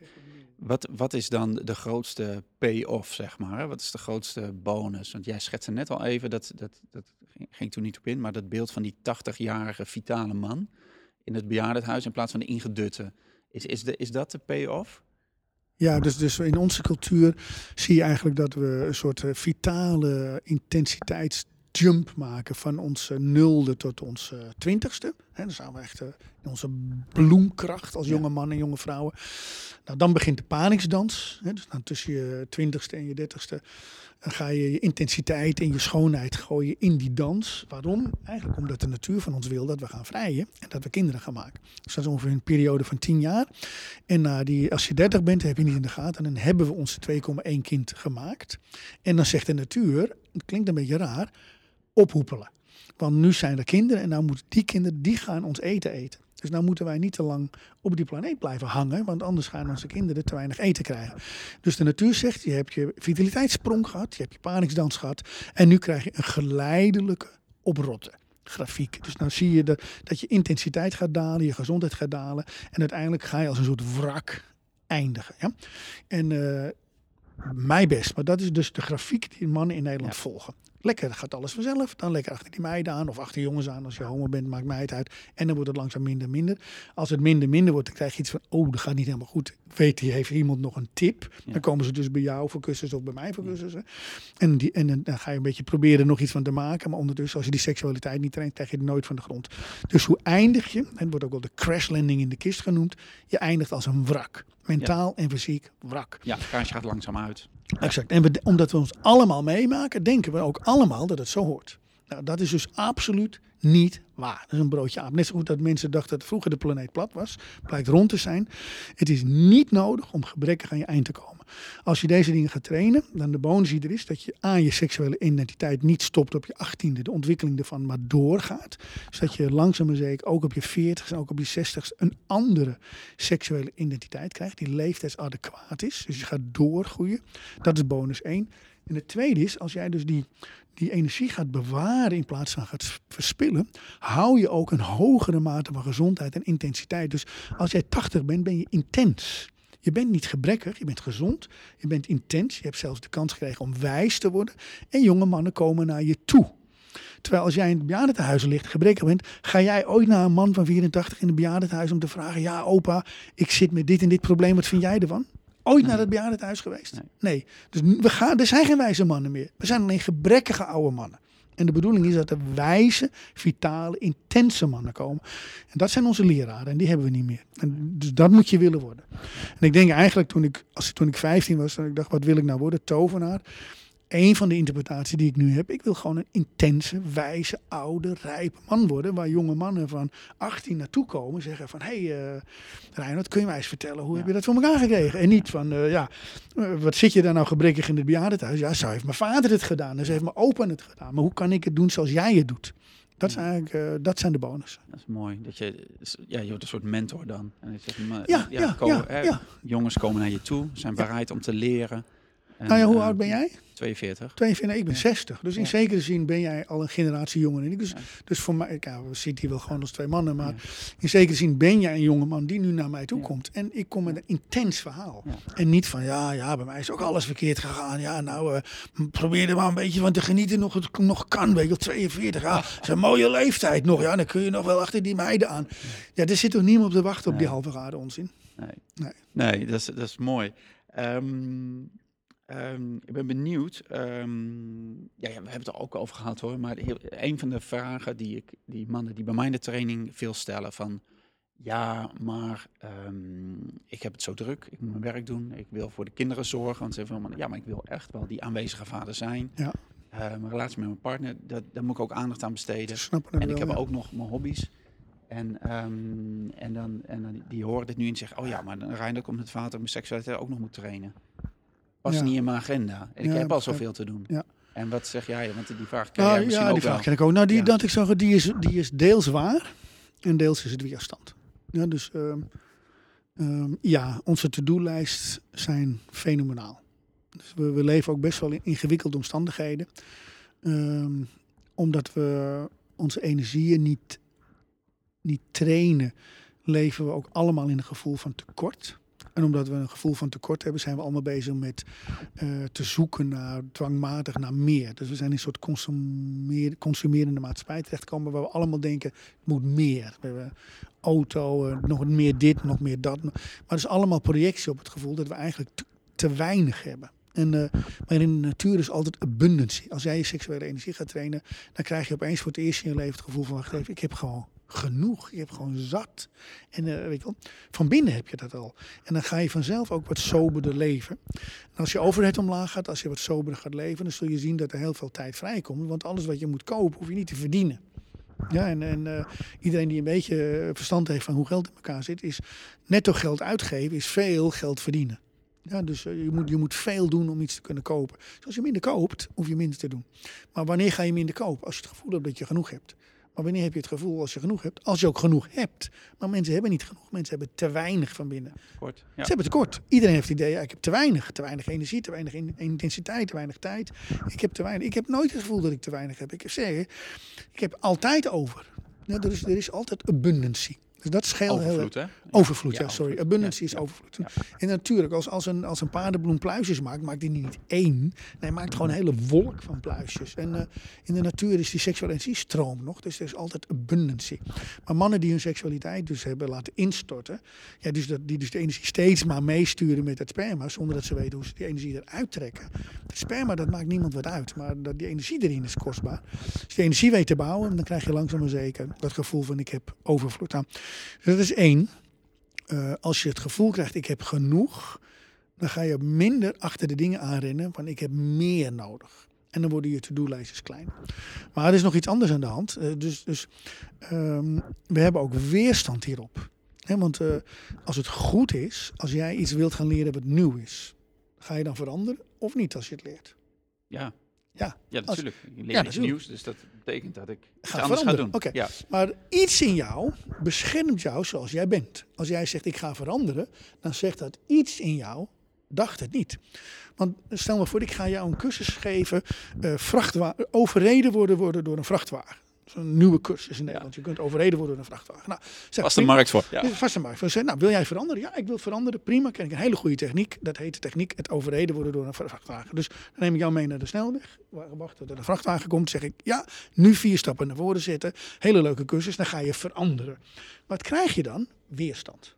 Jij denkt, ja, het is wel een leuke cursus. En het kost ook 2000 euro. Maar ik ga ook wel veranderen straks. Maar is wel dat wel de gewenste verandering? Nee, het is helemaal niet gewenst. Want je bent zo plat als een dubbeltje. Je ligt helemaal uit elkaar. Ja? Dus je bent wel veranderd, veranderd, maar niet op de manier die je wilde. Dus die weerstand in jou die zegt, nou, ik heb wel ingeschreven voor deze cursus. Maar bij nader inzien vind ik het geen leuke cursus. Ik ga de oefening niet doen. Want ik heb geen tijd eigenlijk voor deze cursus. Ja? Want ik moet ook nog naar Albert Heijn straks. En dat kan niet als ik door die vrachtwagen daar Ja, dus dat is eigenlijk weerstand. Dus wij willen dingen die ons veranderen. Iets in ons zorgt ervoor dat we niet veranderen. Dat beschermt ons zoals we zijn. Heel gezond als het gaat over een cursusje. Vrachtwagen overreden worden bij Reinoud. Dan zou ik iedereen zou ik aanraden niet meedoen aan die cursus. dus volg je weerstand. Maar nu zegt Reinoud tegen jullie, willen jullie veranderen ten goede? Dus geen, niet een vrachtwagen door je heen, maar wil je nu iets leren waardoor je intenser wordt, waardoor je vitaler wordt, je seksuele identiteit gaat uitrijpen, je hechting gaat verbeteren met je vrouw en je kinderen, je zelfrespect gaat toenemen. Ga je veranderen? Nou, zeggen die mannen, nee. Want ik wil niet veranderen, want ik wil hetzelfde blijven zoals ik ben. Ik wil niet door een vrachtwagen overreden worden en ik wil ook niet iets goeds doen. Ik wil gewoon niet veranderen. En die vraag, mannen die, vrouwen die vraag stellen, is altijd de vraag van... Uh, ja, maar ik heb al zoveel te doen. Die zeggen, hun weerstand zegt, ik wil niet veranderen. Nou, zegt de ene dan, zoek het lekker uit. Ja. Snap je? Als jij niet wil veranderen, ga je toch lekker niet veranderen. Veel succes met het schema wat je nu volgt. Doei. En over tien jaar praten we nog een keer. Ben je tien jaar verder, heb je tien jaar van training gemist en je zit nog meer in de problemen. Be my guest, veranderen ga je toch. Ja. Dus, dus je moet met weerstand leren omgaan. Het is gewoon weldenkendheid. Maar waarom is dat, hè? Want dat, dat herkennen, herkent iedereen. Hè? Het is natuurlijk een goede voornemens, dat soort dingen. Waarom is het dan zo moeilijk om te gaan trainen voor wat je, waarvan je voelt ergens dat het, dat het je... Nou, omdat weerstand het wint van weldenkendheid. Omdat mannen niet kunnen denken, laat ze de weerstand winnen weerstand zeggen. Ja, ik heb het al zo druk. Er is toevallig een vrouwenvoorbeeld hoor, maar uh, ook vrouwen, trainen ook bij mij vrouwen. En die zei ook, ja, ja Reinhard, weet je, ja, ik vind het wel moeilijk hoor. En kinderen en werk en dit en de schoonmaken en mijn vader is ziek. En nou, ik heb echt geen tijd voor het huiswerk. Oké, okay, zit ik zo te luisteren, nou prima. Oké, iemand anders nog. Ja, zeg, nou, zijn er ook mensen die voordelen hebben eh, nu we bij mij trainen? Zeggen, ja, het is wel grappig, maar sinds ik bij jou train, ik heb altijd twee dagen per maand migraine. Verschrikkelijke migraine. Lig ik in bed en zo. Maar sinds ik train bij jou, Rijn, is de migraine weg. Oké, dan mag je dus voor mij kiezen. Of je doet twee keer een kwartiertje huiswerk per dag, of je gaat twee dagen per maand aan migraine. Waar zit nou de tijdwinst? Dus mensen zeggen, ja, ik heb geen tijd om gezonder, vitaler en intenser te worden. Ja. Noem je, dat is gewoon niet weldenkend. Is dat ook de angst? Hè? Je moet denken aan die, um, aan die quote van Marianne Williamson: van het gaat om bang zijn om je eigen licht te laten schijnen. Is dat ook ja, een bang om? Ja, om... want, want als jij groter gaat worden, dan moet je dus ook opstaan aan de bank en hechting aangaan. En als je dus op de bank, dan moet je ook opstaan en tegen je zoon zeggen: van hé. Hey, uh, uh, kijk, kijk eens hoe ik man ben. Terwijl op de bank liggen, ja, dat is naar je schoon natuurlijk ook schaamtevol. Dus dan, ja, dan komen we terug bij dat verantwoordelijkheid. Als jij energie krijgt om iets van je leven te maken, dan word je ook verantwoordelijk voor je leven. Terwijl als je geen energie hebt, zeg ja, alles is misgegaan in de scheiding en ik weet ook niet wat ik verkeerd gedaan heb en ik wil het ook niet weten.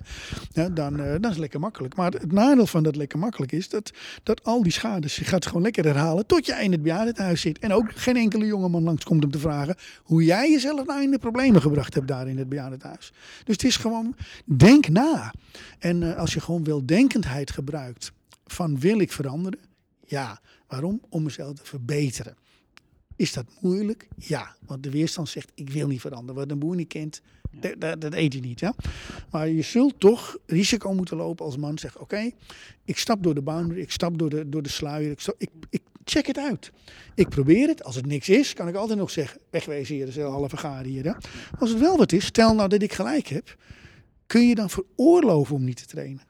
Dat vraag ik me af. Kun je, als je, kijk, als niemand wat weet, in onze cultuur weet niemand, niemand weet lekker niks. Allemaal lekker met z'n allen als blinde lemmingen.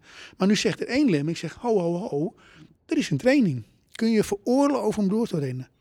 Nou, dat is waarom ik beweer dat 30.000 mannen dit uiteindelijk gaan trainen.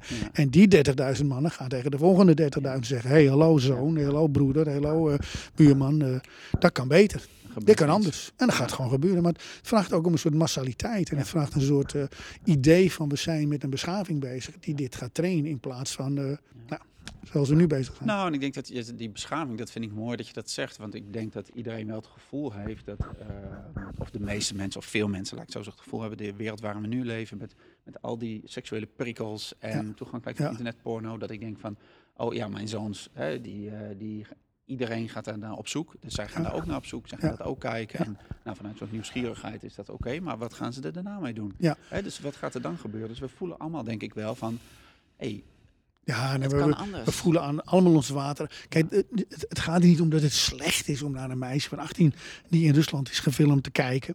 Het gaat niet om het slecht, maar het gaat om dat je dat. Het is eigenlijk onbetamelijk. Ja. Een, een meisje van 18 die zich uitkleedt, zou eigenlijk bekeken moeten worden door haar vriendje van 18 die zich uitkleedt. En die daar eh, een twee jaar de tijd voor genomen hebben om elkaar naakt te zien.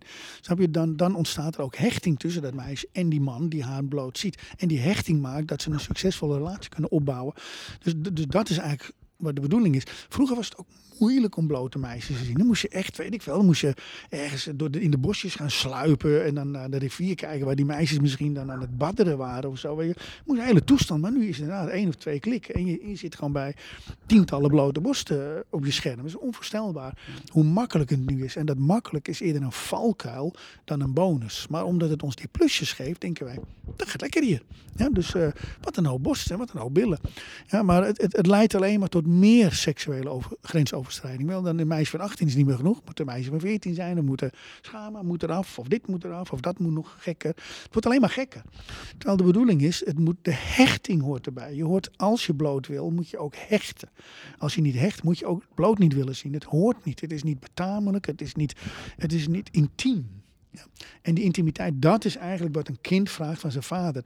Papa, eh, leven wij in ons gezin in een intimiteit? Ben ik veilig hier? Kan ik me hier ontwikkelen zoals ik ben? Wordt er naar me gekeken zoals ik ben? Word ik, word ik waargenomen? Wordt mijn volgende stap gezien? Word ik gewaardeerd op wat ik doe? Nou daarvoor moet je intens aanwezig zijn. En de intimiteitsbeleving moet heel, heel hecht zijn. De, de, de kinderen willen een hechting met hun vader. En waar leer je hechting? Van je eigen vader, van je eigen moeder. Maar die kun je alleen leren als zij het hebben. Als jouw vader geen hechting heeft met je eigen moeder, dan, dan hoe ga je die hechting dan leren? Dan leer je alleen maar geen hechting hebben. Dat is een grote klus. Een Ja, maar klus. de- het, dat is, het is een grote klus. En eh, je kunt ook wel een beetje overweldigd worden van, je minder een toestand allemaal. Maar het alternatief is niks doen. En, waar, en dan ben je 60 jaar verder met niks doen. Dan ben je ook, heb je ook een hele toestand meegemaakt. Dus waarom zou je het niet gelukkiger maken? Ja. Nou, en dat is mooi, want natuurlijk heel veel mannen eh, die mij in de training komen zeggen, ja, maar ik wil het hè, anders doen dan mijn vader, of los van hun eigen vader. Ik wil gewoon een aanwezige vader zijn, dat Ja, een betrokken vader. En, ehm, en dan kun je dat in, in, de- in de zoeken, in de, in, in, nou, niet in trucs, zeg maar in kleine dingen, door gewoon meer tijd met je kinderen te gaan besteden. En, en Ja. dat is allemaal, allemaal goed. Ehm, maar wat ik heel erg voel en wat ik ook zelf merk nu, ik- nu ik met jou, jouw dingen bezig ben, zeg maar, is dat, dat heel die seksuele energie en dan vooral wat het oplevert aan vitaliteit en Ja. aanwezigheid, nog los van, van de seks, Ja, ja, ja. ja, gewoon ja, dat, dat soort van, oké, ik, ik ben er nog meer en ik ben er meer en ik heb, wat je zegt, je hebt gewoon energie over. Ik heb de energie over. En om het toch nog even terug te brengen op de mannelijkheid. Ik, ik heb zelf ervaren, eh, klinkt misschien een beetje raar, dat mijn seksuele identiteit, zeg maar als mijn, mijn erectie, hè, als mijn penis omhoog gaat, dan heb ik altijd een beetje ervaren dat de penis vooral de eikel is. Dus dat de energie van de opwinding vooral aan de voorkant van de penis zit. Want daar zit eigenlijk de energie die die sprong wil maken naar die. Ja. En door dit te gaan trainen merk je eigenlijk dat langzaam maar zeker wordt de hele penis, wordt, dus het is niet alleen de eikel, maar de hele penis krijgt lading. En op een gegeven moment ontdek je dat er ook nog een heel stuk penis aan de binnenkant van je bekkenbodem zit. Eigenlijk is de penis niet, alleen het zichtbare gedeelte, maar er is ook nog een onzichtbaar gedeelte van de penis. Wat helemaal zo doorstrekt aan de bekkenbodem, helemaal verweven is daar. Bijna zo'n beetje tot aan de, de anus bijna. En wat je gaat merken als je deze dingen gaat trainen, dan krijg je, het klinkt een beetje raar, meer lid. Dus in plaats van dat je alleen bewust bent van ik heb een penis om te plassen en ik heb een penis om een erectie te hebben, krijg je op een gegeven moment als man het idee van "Gek, ik heb een penis. Ik, ik, heb, ik, heb een, ik heb lid. Dus je krijgt het gevoel van ik ben een mannelijk dier. Het klinkt een beetje raar, maar ehm, dus je penis is niet alleen bij het plassen of bij het erectie aanwezig, maar hij is gewoon nu, nu aanwezig. Er zit gewoon, er zit gewoon een penis Ja. In mij. En dat maakt me mannelijker. Klinkt een beetje raar. En, eh, en, Nou, dat, en dat, het, ja. dat, dat, merken, dat merken jonge mannen ook. Als jonge mannen die merken aan een man of hij lid heeft. Dan bedoel ik dus geen erectie. Maar dan bedoel ik dat, dat hij zijn, dat hij zijn mannelijke seksuele organen bewoont. Dat hij dus niet daarboven hangt, maar dat hij erin zit. En dat is een heel aangenaam bijeffect ook weer van deze cursus.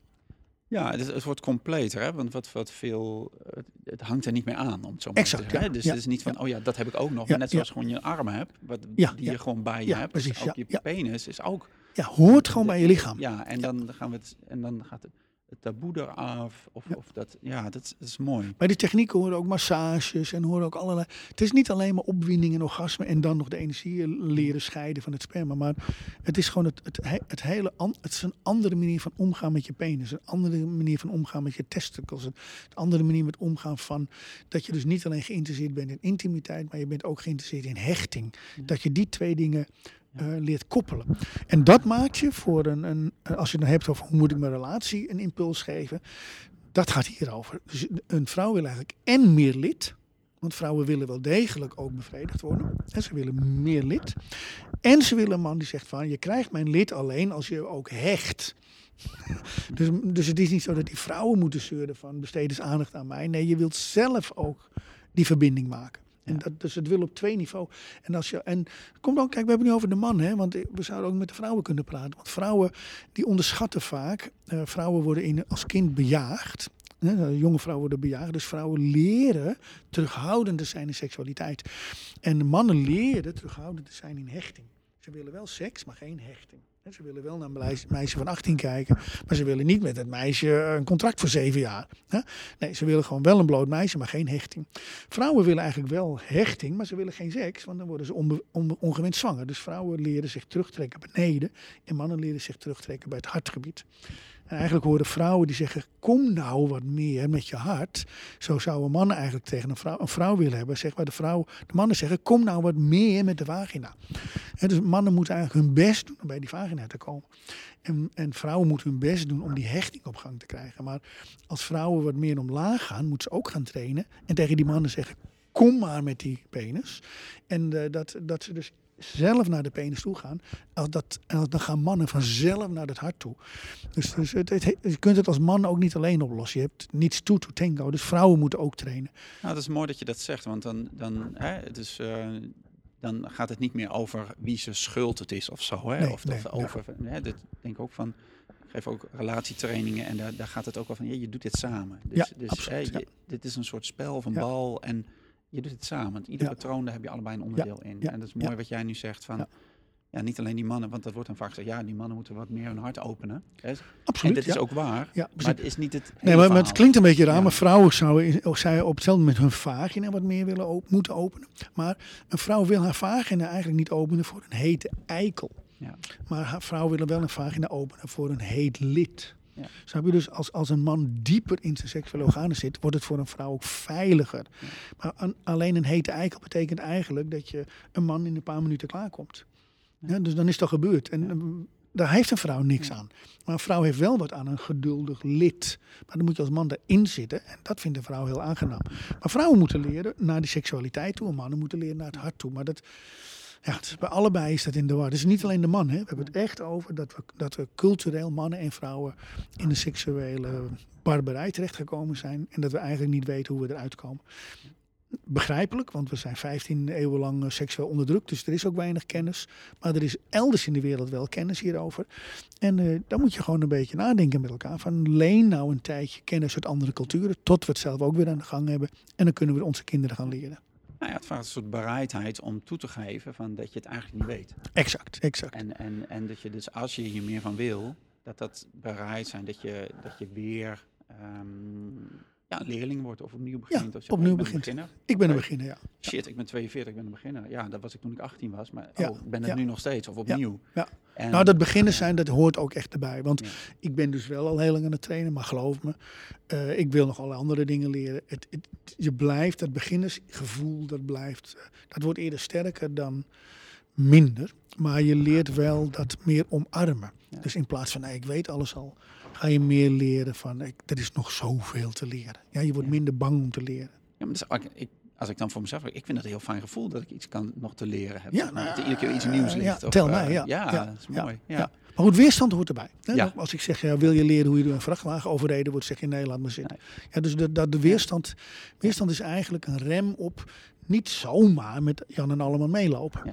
Maar je moet ook niet alles afwijzen onder het mom van ik heb het zo druk. Ja, oké. Is- Dan heb je het blijkbaar niet te druk om ongelukkig en ziek te worden. Nou, Ja. veel succes ermee. Ja, Ja, of om elke avond eh, achter de tv te ja kijken. of, ja, of achter de pornoschermen. Ja, ja, wat, ik heb eh, eh, twee vragen om af te ronden. Ik ben heel benieuwd. ehm, ehm, wat, is, wat is de vraag die jij het meest krijgt van al die mannen die je, die je traint, zeg maar? Wat wat is, wat, waar is, ja, zo'n vraag. We zeggen, ja, maar dat komt vaak terug. Dat is een thema waar we nog niet over hebben gehad.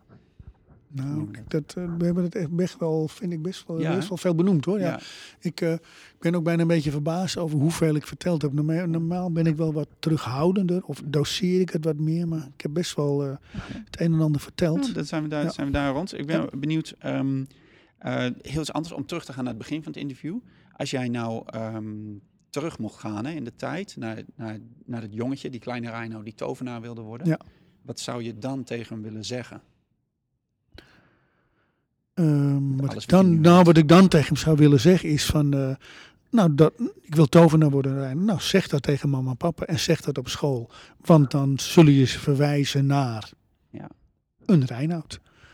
Dan, dan zeg oh, dat kan. Nee, er is een helderziende meneer of er is een getrainde, ingewijde man daar. Oh, wil je dat? Nou, hebben we goed nieuws voor je.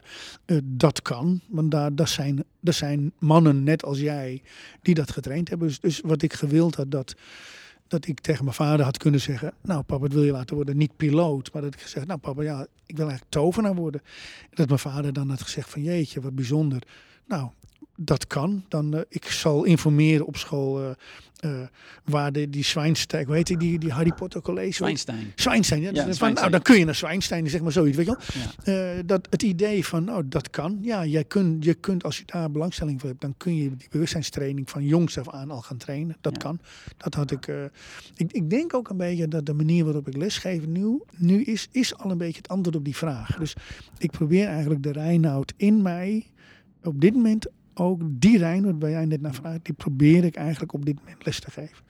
Eh, op, op de manier zoals die Reinoud nodig heeft. Dat is mooi, want dan hè, zie ik ook nu, dat zie ik dan nu, die, eh, ik heb zelf kinderen, maar al die kinderen die nu tegen hun ouders gaan zeggen wat ze later willen worden. En er zit Ja. dan eentje bij die zegt, ja, ik wil tovenaar worden. Ja, ja. Dat je dan als ouder ook kan niet hoor. Nee, dat kan, dat Ja, dat- ja. Maar dat je dat kind serieus neemt. Ja, daarin. neem hem serieus. En, Ja. en, en, en, en stuur hem naar, nou, ik weet iemand die bij Reinoud, of er zijn nog meer eh, echt bijzondere mannen hoor in Nederland. En zeg, nou prima, dan gaan we kijken of je mentorschap kunt krijgen bij, bij oom Henk of bij eh, de, de Kees de, die, die eh, met zijn handen dieren geneest of zo. Wel, in godsnaam, zet die kinderen op het spoor van dat er een andere wereld is dan alleen die gemanifesteerde wereld. Ja. Dat is mooi. En dat, dan moet ik ook denken van, ehm, zo'n typisch mannenthema, want dan, dan ronden we echt af. Maar Ja. ehm, dat je het allemaal in je eentje moet doen als man. En heel veel vaders hebben het, hebben dat over, ja, maar ik moet het allemaal wel weten. En jij zei net eigenlijk, ja, maar de- toen ging het over die seksuele voorlichting. Je hoeft niet de leraar te zijn van je Nee, kind. nee, dus, nee, als, hè, dus, dus als, dan denk ik nu van, als een kind, mijn kind komt bij van, weet je, ik wil iets worden of ik wil iets leren wat ik niet, in mijn, niet tot mijn beschikking heb. Ja, ja. Dan hoef ik dat niet eerst zelf te leren, maar dan kan ik ook zeggen, Ja, ja, tuurlijk. Nee, dus, kijk, de- je, je moet je kinderen, je moet ook andere mannen vertrouwen of andere vrouwen. De, ook als je zegt ik wil loodgieter worden en jij bent bakker, dan zeg je nou, dan moet je, ga ik met de loodgieter praten. Maar net zo, je, moet, je hoeft niet allemaal tovenaar te zijn om, om als je een bijzonder kind hebt dat zegt ik wil tovenaar worden. Zeg, nou prima, dan gaan we naar Henk de tovenaar. Zo, dan gaan we maar beginnen, dan weet ik veel. Misschien zegt Henk wel, nee, je moet naar Pietje of zo, weet je. Of je moet naar Zutphen, daar zit een, een of andere man die dit of dat kan. Maar eh, je, je, dat, moet- je moet het met elkaar doen. Je Ja. moet niet alles in je eentje kunnen doen. Je moet, maar als, als jouw zoon zegt, nou, ik wil het bedrijf overnemen, pa, nou ja, oké, dan ga je, ga je mentoren. Maar het is een tricky pad, hè. Alle mannen die hun zoons in het bedrijf hebben genomen, die weten hoe complex dat is. Ja. Ja, dus dat is niet meteen het makkelijkste. Nee, precies. Andere uitdaging. hey, Reinoud, eh, als laatste. Als mensen meer over jou en jouw werk willen weten, wat, wat moeten ze dan doen? Waar moeten ze naartoe? Ja, in, het kader van dit interview zou ik zeggen, ga naar ehm www.meervoudigorgasme.nl Ja. Dan gaat het puur over seksualiteit. Maar als je zegt, ik wil wat meer weten over al die magie en die achtergronden van wat ik in China en zo en in, in geleerd heb, dan kun je naar uh, www.taotraining.online. En het boek uh, Alleen voor Mannen is, uh, denk ik, gewoon te Ja. verkrijgen via de Ja, via voor, ja, eh, ja. maar je kunt ook naar tao.tools. Dan kun je het boek ook meteen kopen. Ah. Ja, Tao.tools. Nou ja, dan heb je al een heel, eh, heleboel digitale platforms. precies, mooi. Nou, Reinoud, hartstikke bedankt voor dit interview. Graag gedaan. Dat is mooi. Ja. En, ehm, nou ja, en als jij luistert nu, eh, super dat je er weer was. En ik hoop dat je eh, veel van wat Reinoud heeft verteld, dat je daardoor getriggerd bent geraakt. Dat je geïnspireerd bent geraakt om ook hiermee echt een flinke volgende stap in je vaderschap te zetten. Ehm, je kunt het, ehm, eh, de, de links, de boeken, die kun je terugvinden op praktijkvader.nl, schuine podcast. Daar vind je dit interview ook, kun je via de site beluisteren. Je kunt het doorsturen en eh, je kunt het ook gewoon gratis abonneren via iTunes of Stitcher. Dan zoek je gewoon praktijk, Praktijkvader op in de, in de podcast-app. En dan krijg je iedere keer als er een nieuwe aflevering is, krijg je die automatisch een melding van op je telefoon. Dus hoef je helemaal geen moeite meer doen. En kun je zo gaan rennen met die, dit op je oren of in de auto of in de trein. Waar je ook ehm, hoort dat mensen het samen met een partner in bed luisteren. Tijdens het stofzuigen. Allemaal, maakt niet uit wat jouw ding is. Ehm, ik hoor je graag bij de volgende podcast. En eh, tot ziens. Heb het goed. Doeg!